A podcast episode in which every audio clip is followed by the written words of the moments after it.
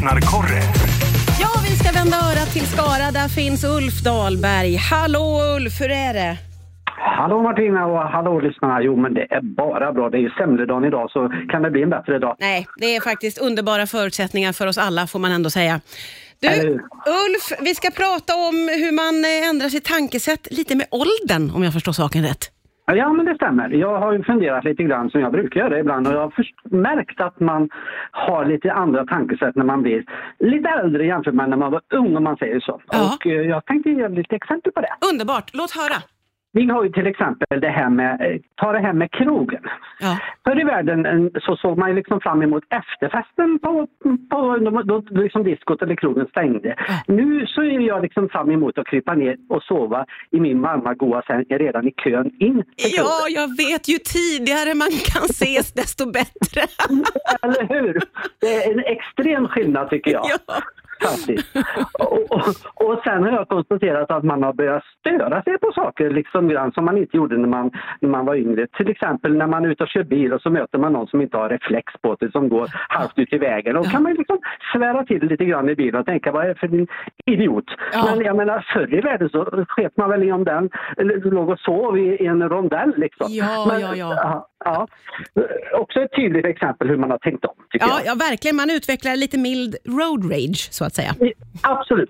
Och sen har vi det här med konsekvenstänket. Liksom. Mm. Förr hade man i praktiken noll konsekvenstänk. Och, och då kanske det här med alkoholhaltiga drycker Ja. eh, vet man i dagsläget har ju en väldigt dålig påverkan på morgondagen. Ja. Det kanske inte framgick lika tydligt i ungdomens dagar om jag ska vara helt ärlig. Nej, verkligen inte. Man kunde klara sig igenom lite vad som helst.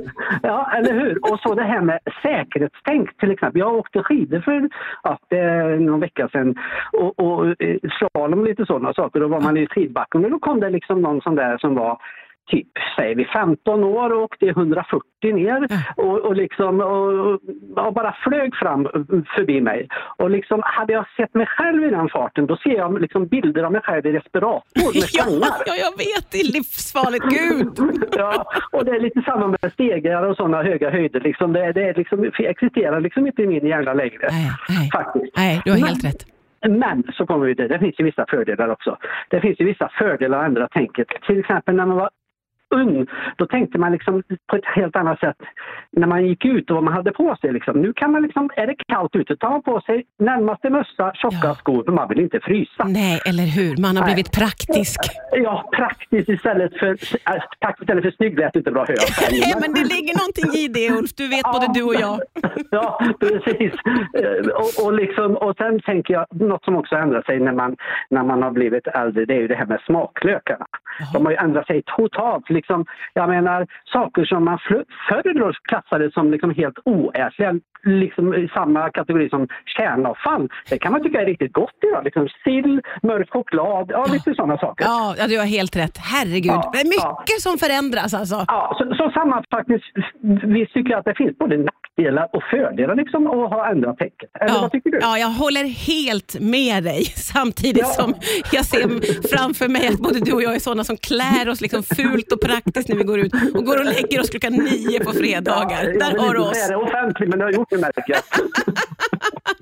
Ja, underbart att få prata med dig precis som vanligt. Vi hörs snart igen Ulf. Det gör vi. Ha det gott! Ha det gott!